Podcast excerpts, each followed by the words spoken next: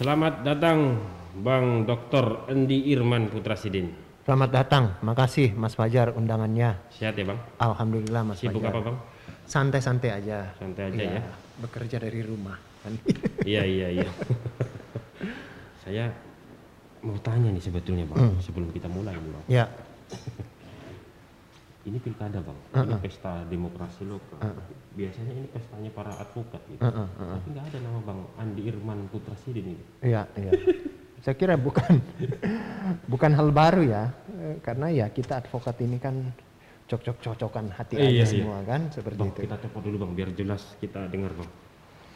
Ya belum mungkin belum belum ada cocok-cocokan hati sehingga ya tidak semualah mungkin harus kita Dan- melakukan. Atau cocok-cocokan yang lain juga kali. Bisa juga. Tapi sampai sampai sampai sekarang ternyata nggak ada yang cocok juga. Ya, terutama kan ini hati ini harus lepas berperkara kan. Begitu ya. Ya, yang penting kan hati itu biar kita lebih percaya diri kan. Atau pilih-pilih. Kenapa? Pilih-pilih perkara yang Saya nggak bilang pilih-pilih kan. Yang penting kan kita bisa percaya diri tampil di ruang sidang itu kan. Jangan sampai kita dapat senyuman kiri kanan aja kan. Ya. iya. nah, oleh karena justru itu Bang, karena Bang Irman Putra Sidin itu nggak ada berperkara di MK, Iya. justru ini saya gunakan untuk undang Bang Irman. Ya, terima kasih Mas kesempatan ini. Ini supremasi Bang, Ya. supaya presisi memahami konstitusi. Oh, Oke. Kan begitu. Oke. Nah, Ya. Jadi karena Bang Irman ini nggak ada perkara di MK, artinya kita nggak Nggak ada konflik pada- kepentingan. nggak ada konflik of interest, nggak ada konflik kepentingan. Jadi kita bisa bicara leluasa bang, Iya. santai gitu ya. Walaupun kita mau ngomongin pilkada juga, ya. Biasa kalau saya ada perkara lewat depan sini aja nggak enak rasanya tuh. gitu ya. Saya juga menghindar biasanya kalau abang ada perkara Iya, gitu. Tidak enak juga kita lewat ini orang lari semua ini. Padahal kita hanya lewat-lewat aja. Tapi memang itu kadang-kadang sudah terinternalisasi bang. Iya, iya. Ada ada, Iya. ada kode etik, Iya, iya. kode etik. Tidak hanya hakim gitu. Iya, iya. Pegawai kan juga. Oh, kan. iya, iya. Bang Irman tahu persis lah ada kode etik, kode etik Iya. pegawai. Jangan pernah merekomendasikan advokat, Iya. jangan berinteraksi terlalu dekat. Saya kira penting lah itu. Ya. Dan itu yang kita, alhamdulillah kita Iya. internalisasikan hari ini. Dan mudah-mudahan kita juga semua orang di luar advokat bisa merasakan itu ya. Nah, insya Allah. Sehingga kita semua mau jaga jarak Betul, juga kan. ya. Jadi memang itu. jaga jarak itu sejak dulu Iya. kita bang. Kalau dengan orang berperkara, tidak Iya. tidak tidak di masa pandemi aja ternyata gitu. Karena saya juga akan menjaga jarak juga. Iya, iya, Gitu. iya. Jadi Kalau memang misalnya saya bawa perkara ke pengadilan saya akan jaga jarak juga. Ya, memang ada saling memahami. Iya. Profesionalitas kita akan diukur dari situ. Iya. Nah itu bang. Jadi karena bang Irman ini nggak ada perkara pilkada, kita mau bicara soal pilkada, soal TSM bang. Iya. Terstruktur, sistematis dan masif. Iya. Ini konsep saya kira sudah diperkenalkan sejak lama oleh MK. Kira-kira 10-12 tahun yang lalu MK sudah uh, ada putusan soal terstruktur, sistematis dan masif dalam konteks pelanggaran ya Pak. Iya. Dalam konteks pelanggaran di dalam pilkada. Kira-kira Bang Irman itu memahami atau memandang TSM itu seperti apa sih? Kalau ternyata sekarang ini Bang dari 132 perkara permohonan awal waktu itu itu TSM itu selalu ada Iya, iya. semacam mantra dia di situ Iya, iya. kalau nggak ada ini kayaknya nggak afdol TSM itu tidak pernah hilang dalam sebuah proses kontestasi demokrasi ya. Sehingga kalau dikatakan Mas Fajar tadi ada terus TSM itu, Iya. bisa jadi ada ada ada, ada terjadi gitu terjadi tetapi pembuktiannya yang tidak mudah. yang tidak mudah ya. ya. Atau terjadi TSM itu tapi bukan pelanggaran. Mhm. Karena memang kan di mana-mana kompetisi sebuah demokrasi apalagi ada tim kampanye yang diakui undang-undang Ya. kan harus merancang strategi pemenangan Ya, kan justru harus TSM ya harus TSM. Iya. Kalau kalau dia ada tim kampanye kemudian tidak punya rencana konsep yang sistematis melakukan pemenangan, ya ngapain kan? Eh, pasti kan akan kalah juga. Oke. Nah, makanya sebenarnya undang-undang itu dengan mengakui tim kampanye, kan ada tim kampanye dalam undang-undang kan, Iya. gitu. Tim kampanye itu mengakui desain TSM sebagai sebuah perbuatan yang sah, khusus untuk perbuatan yang sah Iya. ya. ya Tetapi dia menjadi sebuah pelanggaran ketika TSM itu sudah berhimpitan atau melakukan persenggamaan dengan penyalahgunaan kekuasaan. Oke. Kan seperti karena itu yang paling memang potensial terjadi. Makanya sebenarnya Undang-Undang Dasar 45 pasal 22E itu ditambahin lagi langsung umum bebas rahasia jujur dan, Dan adil. Ya. Ya. Kata jujur dan adil itu sebenarnya peringatan jangan sampai kalian terjadi persenggamaan dengan kekuasaan, Hmm. penyalahgunaan kekuasaan. Jangan sampai terjadi seperti itu. Jangan karena Anda mentang-mentang eh, punya otoritas Hmm. menggerakkan sumber-sumber keuangan negara misalnya bansos dan lain sebagainya, Anda melakukan proses-proses menunggangi tersebut untuk kemudian melakukan perampasan terhadap hak-hak demokrasi. Di dunia partai politik juga biasa terjadi seperti itu kan. Atau mungkin di yang paling sering tiap lima tahunan adalah proses pemilu dan pemilihan kepala daerah di situ. Makanya ini kan menjadi pertanyaan konstitusional secara terus-menerus ketika eh, proses perselisihan hasil pemilu itu kita di apa seolah norma itu menjerat kita kepada angka-angka signifikansi sebuah angka-angka, Iya, iya, iya. Iya kan? Iya. Karena signifikansi angka-angka ini semualah, maka mungkin para prak- para praktisi-praktisi hukum mau tidak mau harus menampilkan sebuah bukti-bukti yang apa dalil-dalil yang signifikan bahwa ini akan melanggar prinsip jujur dan adil itu. Walaupun kemudian mereka kesulitan membuktikan dalil-dalilnya itu. Bisa jadi seperti itu. Jadi kalau kita bicara pelanggaran TSM, itulah yang dulu kemudian menjadi sangat monumental gitu ya bagi saya kira bagi sejarah sejarah pilkada, sengketa perselisihan hasil pilkada terutama yang dibawa ke MK. Tahun 2000 2008 saya kira Bang Irman juga tahu persis Jawa Timur itu ya. Mm. Di situlah saya kira awal mula. Saya nggak tahu persis ini sebetulnya siapa yang bawa nama atau nomenklatur TSM ini. Apakah MK apakah pemohon pada saat itu? Saya nggak saya nggak tahu persis gitu ya. tapi kemudian itu menjadi semacam mantra gitu ya itu. Bang Irman tahu 132 perkara di MK tahun 2020 ini pilkada serentak semua ada dalil TSM itu artinya apa ah mungkin mungkin benar juga kata Bang Irman ini eh, dalam konteks pilkada ini pelanggaran terstruktur sistematis dan masif itu akan selalu ada. Gitu bang. Akan selalu ada dalam arti ya memang memang itu menjadi bumbu atau memang menjadi apa ya yang Darahnya. bisa dihindari gitu. Ya, ya, ya. ya kan? Jadi misalnya tapi yang lucunya begini bang. Ada terstruktur sistematis dan masif itu kan biasanya kalau terstruktur itu?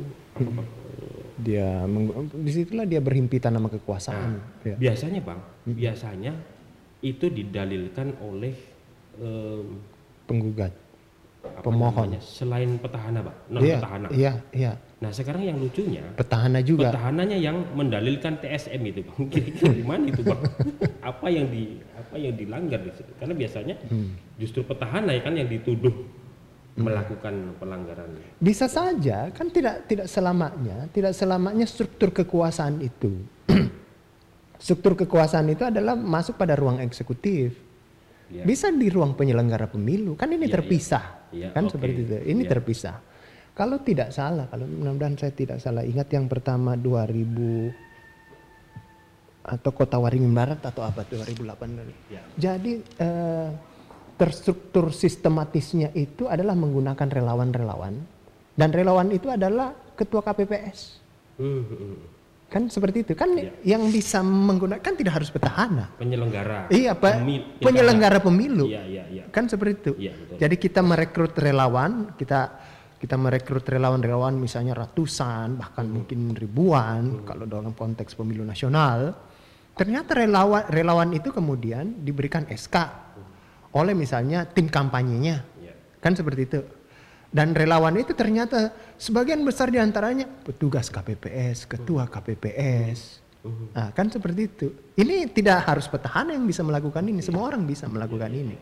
Makanya tidak heran ketika petahana pun menggugat TSM. Hmm. Kan seperti itu. terstruktur itu berarti bukan hanya melibatkan aparat Tidak. Petahana, Iya, tapi penyelenggara pemilu penyelenggara juga. pemilu itu juga Iya, dan dan itu relatif lebih cair ya karena penyelenggara pemilu di bawah itu kan bukan rata-rata kan bukan ASN atau apa kan? Iya, betul. Kan seperti itu kan? Iya, iya. Sehingga misalnya dia direkrut menjadi relawan, apa relawan tim apa yang yang tidak tidak apa tidak jelas tapi ternyata dia seperti dia adalah bagian dari situ kan itu bisa dilakukan. Kalau ini bang, sebetulnya ya itu tadi kenapa kemudian dia dia seolah-olah harus ada di dalam permohonan soal pembuktian itu nomor dua. Hmm, hmm, hmm. Kira-kira kira-kira ini menjadi menjadi apa ya bang? Menjadi nomenklatur yang paling seksi lah kira-kira Hmm. ketika ketika orang mengajukan permohonan Iya iya ke iya. MK. Yang Ya. sulit kan pembuktiannya bang. Ya, karena kan ada juga eh, limitasi di Undang-Undang Pasal 158 itu kan, Ya, ya. Yang signifikansi yang kemudian dia bisa masuk melanjutkan perkara atau tidak, Betul. kan seperti itu. Ah, tetapi kan kami ini para praktisi advokat di luar mempercayai MK pasti kan tidak hanya mau dijajah oleh pasal 158 itu sebab eh, pasti kan MK akan berpegang kembali kepada syarat kon- apa konstitusionalitas pemilu dalam pasal 22E Ya. jujur dan adil di sinilah pisau bedah analisis MK yang harus dia pakai guna membedah persoalan pemilu kepala daerah. Nah berangkat dari eh, tanda kutip eh, postulat ini ya berangkat tanda kutip iming-iming seperti ini ya sebenarnya ini postulat yang sah ya di doktrin konstitusional pasti MK harus bersandar pada eh, pakai pisau analisa jurdil Iya. kan bukan analisa angka-angka atau kalkulator Betul. semata Ya. Nah, sehingga eh, dalil TSM itu akan muncul di berbagai eh, permohonan-permohonan. Bisa jadi memang juga pihak-pihak yang berperkara datang kepada para eh, para lawyers itu menceritakan memang memang bunyinya dari cerita dia TSM kan seperti itu didalilkan lah. Tapi ketika kemudian mungkin para lawyers ini meminta bukti-buktinya tolong dilengkapi dong, gini-gini. Ternyata pada tingkat implementasi pembuktian tersebut kewalahan. Kewalahan. Ya, kewalahan di situ karena memang tidak mudah kan? Abang pernah apa ada pengalaman begitu? Ya sering awal lah. TSM ini Pasti orang kan datang gimana? Kita kan cer- cerita dulu gimana ini Pak anunya. ada bukti-buktinya gitu. Gitu. Ada ada, Di- diminta eh mana barangnya? nggak ada datang-datang juga kan. Kudu masuk di MK ini kan.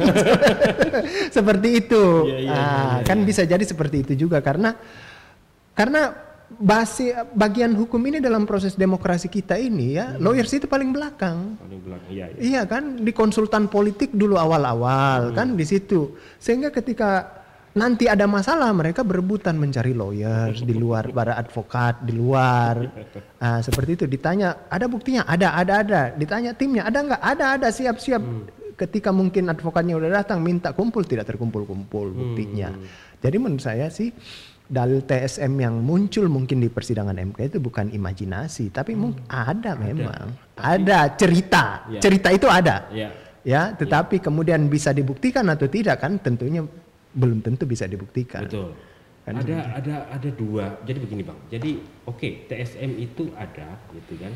Tetapi ada ada dua model kira-kira kalau Ya. kita kita mau mensistematisasi putusan MK terdahulu gitu kan Hmm. sebelum sebelum ada pasal 158 dan seterusnya. Ada model em, TSM itu akumulatif bang. Mm-mm. Jadi akumulatif signifikan. Jadi tiga-tiga itu harus terpenuhi. Ya, pelanggaran yang bersifat terstruktur, Mm. sistematis dan masif Mm-mm. dan punya signifikansi terhadap perolehan hasil suara. Mm-mm. Mm-mm. Tapi ada juga yang eh, apa ya tentatif atau fakultatif. Jadi bisa salah satu saja, T-nya saja misalnya, Mm. tapi dia signifikan, Mm-mm. misalnya gitu, bang. Nah, cuman cuman kemudian em, setelah era setelah era undang-undang pilkada yang baru, undang-undang 1 2015 itu kan MK sudah tidak bisa seselu- seleluasa itu, bang. Mm. Kan gitu. Sekarang bahkan TSM itu sudah menjadi kewenangannya Bawaslu. Mm-mm. Mm-mm. Tapi ketika jadi kewenangan kewenangannya Bawaslu, pelanggaran administrasi yang bersifat TSM, Mm-mm. tetapi masih juga Mm. dibawa ke MK. Gitu. Mm-mm. Gimana itu bang? Jadi apa, ada yang nggak tuntas gitu bang? Eh, jadi TSM ya. Kalau saya sih dulu itu berpendapat sering saya bicara di MK ya. Mhm. Kalau sudah terstruktur dan sistematis sebagai sebuah pelanggaran ya, Ya, sebagai sebuah pelanggaran, bukan strategi pemenangan Yes. ya. Kalau strategi pemenangan kan ada yang halal, tidak Ya, ada masalah, sah gitu terstruktur sah. Ta- Kalau sudah terstruktur sistematis, dia menyalahgunakan kekuasaan, ya pasti masif lah itu.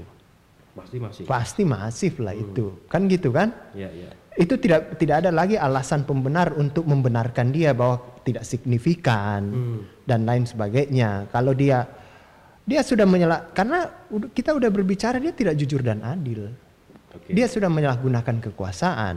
Jadi tidak perlu kita lihat lagi angkanya signifikan atau tidak. Bagi Bang Irman signifikansi itu nggak perlu. Tidak penting ketika terstruktur atau sistema terstrukturnya itu sudah terbukti. Salah satu saja terbukti. Terstrukturnya. Kalau terstruktur dia sudah menyalahgunakan kan terstruktur ini lebih kepada dia menggunakan instrumen-instrumen kekuasaan Ya, kan. ya. Seperti itu. Kalau sudah itu udah selesailah dia. Pasti dia sistematisnya menjadi unsur pembuktian sekunder aja. Hmm. Tidak terlalu penting-penting amat. Ya, ya. Kan seperti itu. Tapi dengan rasio yang wajar ketika kita lihat ini ini betul-betul dia menyalah- menyalahgunakan kekuasaannya ini. Hmm. Kita dengan dasar itu maka ini sudah tidak penting lagi untuk pembuktian secara sempurna sistematisnya termasuk masifnya. Saya berpendapat begitu ya. Iya, iya. Ah, saya berpendapat. Tapi kalau tidak salah MK ya seperti Mas Fajar cerita itu ada berapa pertimbangan-pertimbangan Iya. seperti itu. Terus pertanyaannya adalah kok masih dibawa ke MK Hmm. ya? Nah, itu. Kok, kok masih dibawa ke MK? Nah,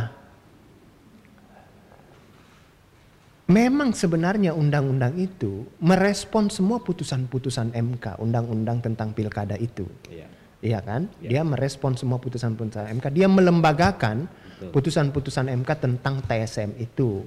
Saya sendiri selalu mengatakan bahwa dari dulu itu MK jangan jadi tempat sampah lah, Hmm. kan selesaikan aja lah semua di tingkat penyelenggara pemilu. Bawaslu, Bawaslu itu kita bisa jadikan dia fungsi-fungsi peradilan, Hmm. kan gitu. Ya. Nah, fungsi-fungsi peradilan, Bawaslu itu kita jadikan dia menjalankan fungsi peradilan saja. Nanti betul-betul eh, dia pelanggarannya tidak terselesaikan, ya, tidak terselesaikan, barulah kita berdebat secara kualitatif di MK, kan begitu. Ya. Mungkin itulah, mungkin inilah kemudian dicangkoklah oleh para pembentuk undang-undang lahirlah undang-undang pilkada yang kemudian menyerahkan kewenangan kalau pelanggaran administrasi pemilu Mhm. ya yang TSM itu ke Ya, Bawaslu. Bawaslu. Cuma kan itu juga waktunya terlalu singkat kan Untuk untuk proses semuanya oh, oke. pengaduannya, pembuktiannya kan Ya, ya. seperti itu. Bawaslu kalau tidak salah eh, kalau Bawaslu memutuskan terbukti KPU membatalkan. Ya. Iya kan? Ya. KPU membatalkan yang keberatan terhadap pembatalan itu lompat dia ke Mahkamah Agung.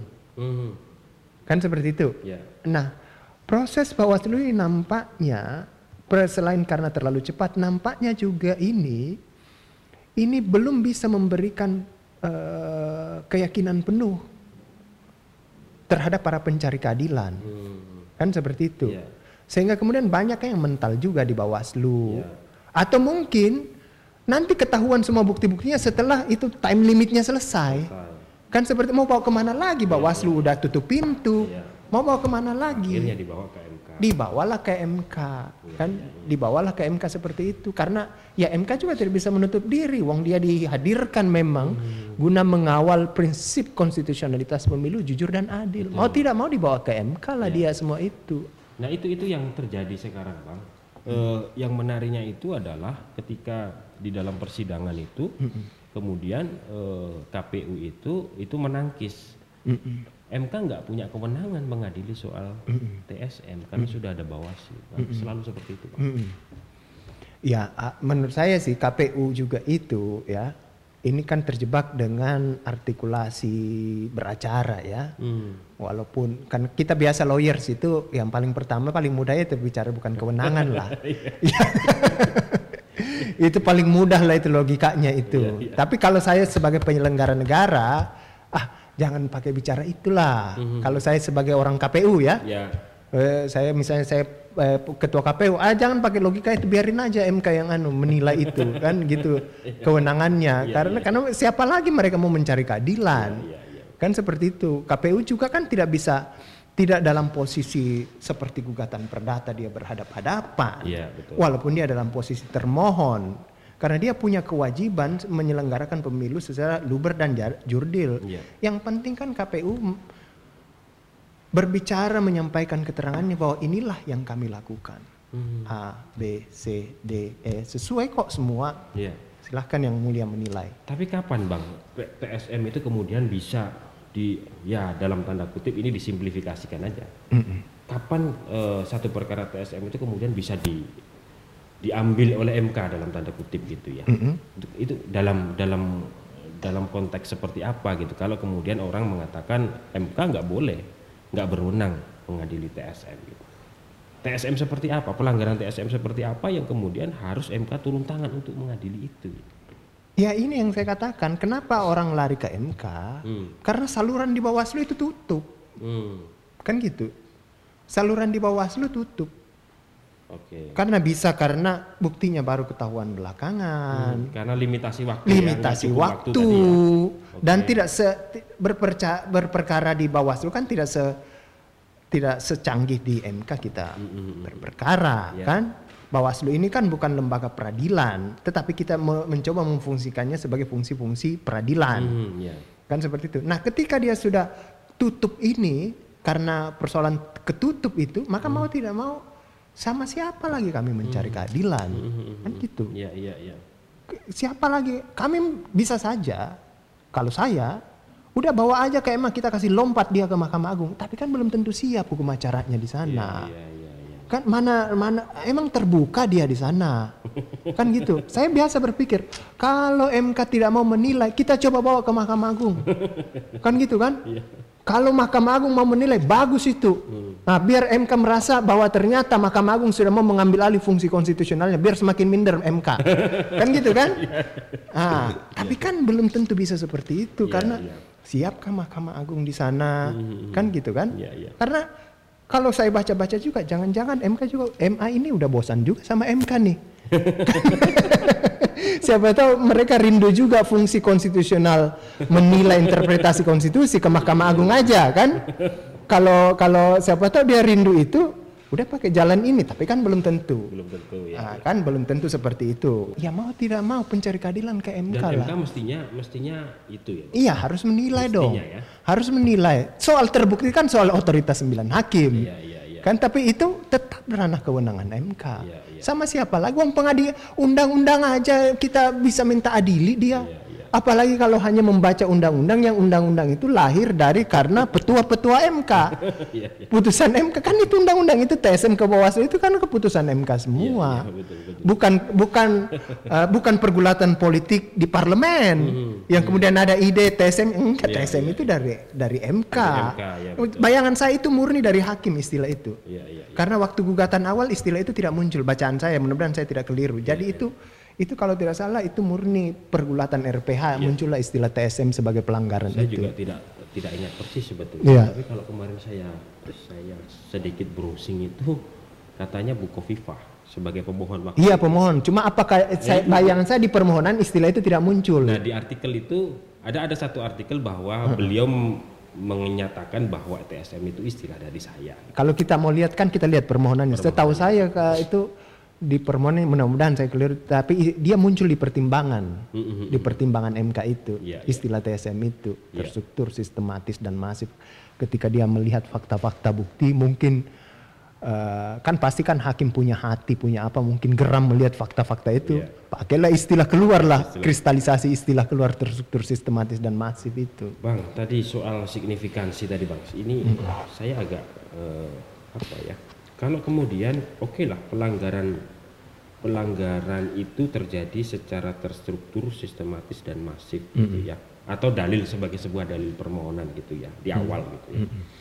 Kemudian kalau kem- eh, tidak ada signifikansi, ini misalnya terbukti, katakanlah ini terbukti, tapi ini enggak nggak akan merubah. Nggak akan merubah perolehan hasil akhir gitu. gimana bang? Kan sulit juga kan kita kita menjalankan pilkada yang bersih sama sekali bersih Ya betul. Gitu betul, kan? betul. jadi misalnya bang TSM dia mendalilkan dia kehilangan 10.000 suara gitu ya tapi di dalam dalilnya itu eh, kalaupun nanti terbukti dia hanya bisa membuktikan Seribu. seribu misalnya. Kan bagi saya signifikansi itu menjadi sangat penting. Kalau nggak nggak ada pengaruhnya kepada perolehan suara untuk apa gitu. Ya itu yang saya katakan tadi ya. Kalau misal kalau kalau kalau dia tidak masuk pada ruang TSM ya. Hmm. TSM dalam arti bayangan saya ini ini aja penyalahgunaan kekuasaan ya. Hmm. Itu itu itu di kepala saya TSM itu. Ya. Saya masukkan istilah terstruktur sistematis dan masif itu ada orang menyalahgunakan kekuasaan atau dia eh, yaitu eh, melakukan persekongkolan terhadap kekuasaan Ya. ya sehingga kemudian dia bisa ter, dia meraup kemenangan 10.000 ribu dia dalilkan tapi terbukti cuma seribu Ya, ya. Kalaupun terbukti dia nanti cuma seribu. seribu hasil penyalahgunaan Ya. kekuasaan ini kan Nggak bisa dia sembilan ribu yang lainnya nggak Nah. bisa terbukti. Tapi ada itu terjadi. kan hakim kan punya naluri namanya yang kemudian mereka kristalisasi dalam rasio yang wajar tingkat kejahatannya itu Hmm. kan seperti itu Ya. Ah, pada titik tertentu, pada titik tertentu, pada rasio yang wajar, saya agak sulit mengimajinasikan contoh apa ya penyalahgunaan kekuasaan itu yang menggunakan struktur kekuasaan. Pada titik seperti itu, maka bisa saja meski tidak signifikan, Hmm. pakai ha- hajar itu. Hmm. Tapi semata guna membangun proses demokrasi ke depan. Oke. Hati-hati loh ya, jangan lagi ada yang seperti ini. Karena meski kalian tidak signifikan, Hmm. Angkanya mempengaruhi, tapi Anda incumbent telah menyalahgunakan kekuasaan yang ada, seperti itu, maka akan dibatalkan. Kan seperti itu. Iya, iya. Sebenarnya la- dalam eh, dalam logika yang lebih lebih sederhana, kan kalau dia terbukti politik uang kan dia bisa berhenti atau dibatalkan. Ya.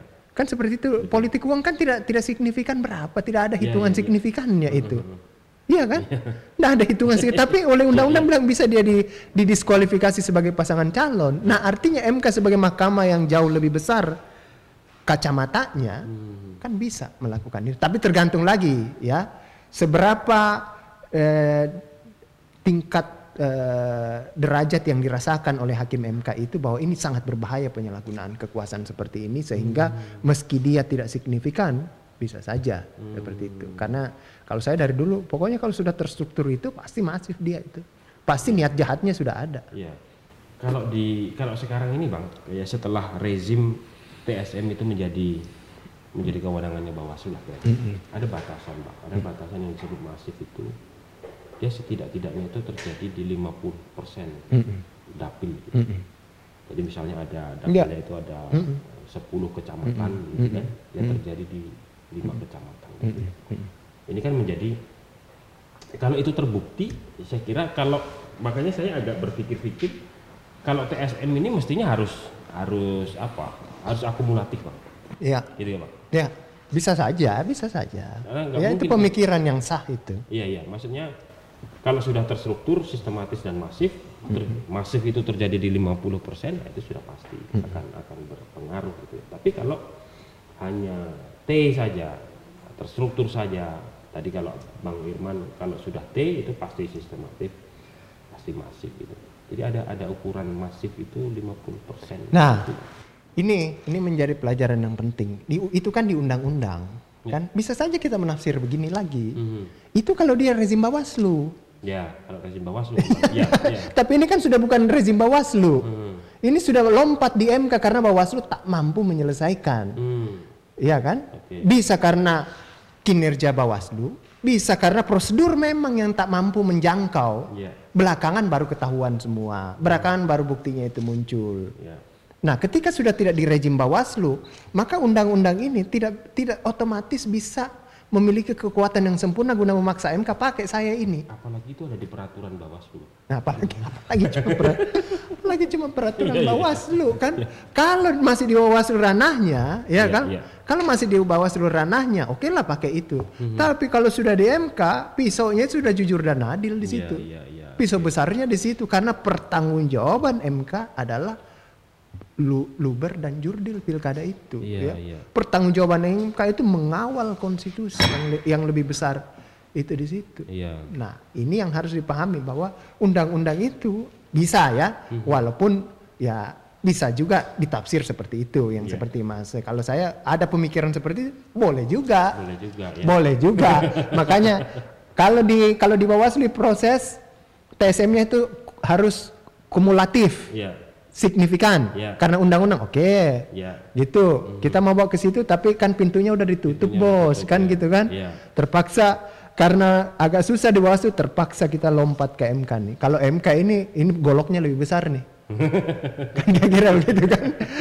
Itulah dia fungsinya untuk mempe, apa menata demokrasi ke Iya, depan. iya. Tuh, Iya. goloknya lebih besar di MK itu. Ada putusan MK itu bang di awal-awal pilkada serentak ya, ketika kita masuk 2015. Ya, ya. 2015 kalau Abang Irwan ingat itu ada memang MK di dalam putusannya itu bilang bahwa eh, ini adalah semacam apa social engineering. Jadi bagaimana kemudian MK itu juga termasuk salah satu lembaga negara yang eh, apa ingin me- apa ya membuat kultur supaya supaya tahapan-tahapan sengketa yang disediakan oleh undang-undang tadi itu itu jangan lompat gitulah kira-kira bang. Jangan lompat. Jadi benar bang Irman tadi jangan sampai MK menjadi Tempat sampah. sampah gitu. Kan apa-apa dari bawah belum ditempuh yang ini ini sudah langsung. Ya. sudah langsung kayak Iya. MK juga memberikan eh, semacam kalau saya menyebutnya mandat konstitusional Iya, gitu iya, Bang, iya, ya, di dalam putusan itu. Anda mestinya kalau kita mau berpolitik berhukum secara lebih lebih tertib gitu ya lebih taat asas ya penuhi dulu. Makanya ini TSM ke Bawaslu dulu. Betul. nanti kalau tidak kalau memang tidak puas atau tidak tuntas nah baru bisa dibawa ke MK Ya. kira-kira MK juga waktu itu alur pikirnya Saya kira dari awal ya, dari awal itu saya ingat di pemilu 2004 itu, per- eh ya pemilu 2004 pertama kali di MK Pemilu, ya, iya. iya. Itu hakim sudah sering menanyakan itu. Ini bagaimana nih? Sudah dibawa ke Bawaslu belum? Hmm. Setiap itu sudah dibawa ke Bawaslu belum? Iya. Jangan tidak menggunakan instrumen Iya. Bawaslu itu Ya, tiba-tiba Anda bawa ke MK Iya. aja semua. Iya, Di situ kita ini cuma 9 orang. Kan gitu. Pilkadanya, wih banyak sekali kan. Ini di- hanya waktu diberikan 14 hari. iya Kan seperti itu, 30 hari kalau pilek kalau nggak salah ketika Iya, itu dulu. 30 hari betul. 30 hari, pilkadanya Masya Allah 500 kabupaten 14 kota. hari waktu itu Bang. Iya kan? Iya. Seperti itu. Pakai itu instrumen Bawaslu. Makanya itu sampai sekarang tetap itu menjadi penting untuk dipakai. Makanya kan orang juga tidak bisa datang serta merta mendalilkan TSM. Iya. Kita juga misalnya lawyer advokat harus bisa menjelaskan kita sudah melalui ini. Hmm, iya. Kita appeal di sini. Ini begini. Ini kenyataannya seperti ini. Kami mau Wak, ditutup pintu. Kami mau cari ke mana lagi, Hmm. kan? Kami mau ma- apa mengetuk pintu apa saudara tua Mahkamah Agung. Dia juga nutup pintunya. Karena harus ada keputusan KPU dulu membatalkan kalau tidak salah ya. Iya, iya. dia harus mendiskualifikasi baru kalau keberatan baru dibawa ke sana kan? Seperti itu. Saudara itu juga tutup. Sementara ini ada dibuka pintu. Kami ke sini lah. Nah inilah kewajiban para pemohon ya dan kuasa hukumnya untuk menjelaskan itu. Proses-proses yang sudah mereka lalu memanfaatkan tahapan-tahapan semua pelanggaran mekanisme keberatan mulai dari TPS, PPS, PPK sudah nggak semua itu keberatan. Iya. Kalau ada kejadian udah dilapor belum? Iya. Kan seperti itu kan? Ini pasti akan harus menjadi pertimbangan di MK. Iya. Ya, harus jadi pertimbangan di MK supaya orang juga eh, mau memanfaatkan peranata-peranata hukum yang Betul. ada. Kan Nah. tidak berimajinasi juga berperkara di MK gitu. Sepakat itu bang. Nah ini bang, em, 100 perkara sudah diputus Hmm. MK dari 132, gitu kan? 100 sudah diputus, tinggal 32. Hmm. Nah eh, saya kira tadi yang bang Irman sampaikan bahwa MK harus betul-betul ambil alih itu dilakukan MK. Hmm. Paling tidak eh, ada beberapa yang secara Oh, fakta di persidangan kemarin itu tidak Layak. memenuhi selisih iya. pasal 158 tapi ditarik ke pembuktian. Nah, itu. Kan gitu, ya. Bang? Iya, iya, iya. Nah, nanti saya minta eh, komentarnya bang, tapi silakan Iya, iya. dilanjutkan tehnya. Iya, iya.